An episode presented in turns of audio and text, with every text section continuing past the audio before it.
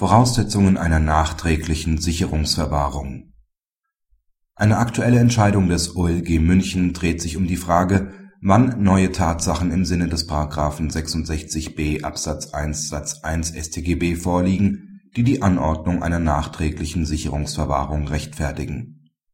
Der bereits einschlägig vorbestrafte Angeklagte war im Ausgangsverfahren im Jahr 1995 wegen zweifacher Vergewaltigung verurteilt worden. Eine Unterbringung in der Sicherungsverwahrung war vom Gericht abgelehnt worden, nachdem der psychiatrische Sachverständige bei dem Angeklagten keinen Hang zur Begehung erheblicher Straftaten festgestellt hatte. Im Jahr 2003 erfolgte eine erneute Begutachtung durch einen anderen Sachverständigen. Dieser schloss aus den begangenen Sexualdelikten nunmehr auf eine schwerwiegende sexuelle Deviation und stellte die Prognose, dass es zu weiteren Sexualstraftaten ähnlicher Art und Schwere kommen könnte. Die Staatsanwaltschaft beantragte daraufhin die Anordnung der nachträglichen Sicherungsverwahrung. Dies wurde vom LG mit der Begründung abgelehnt, es lägen keine neuen Tatsachen vor.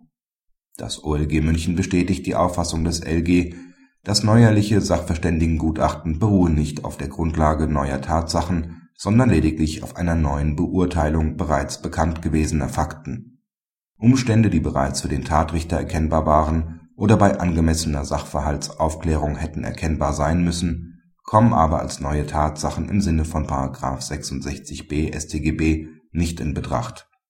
Auch ihre bloße Um oder Neubewertung führt nicht zum Vorliegen neuer Tatsachen.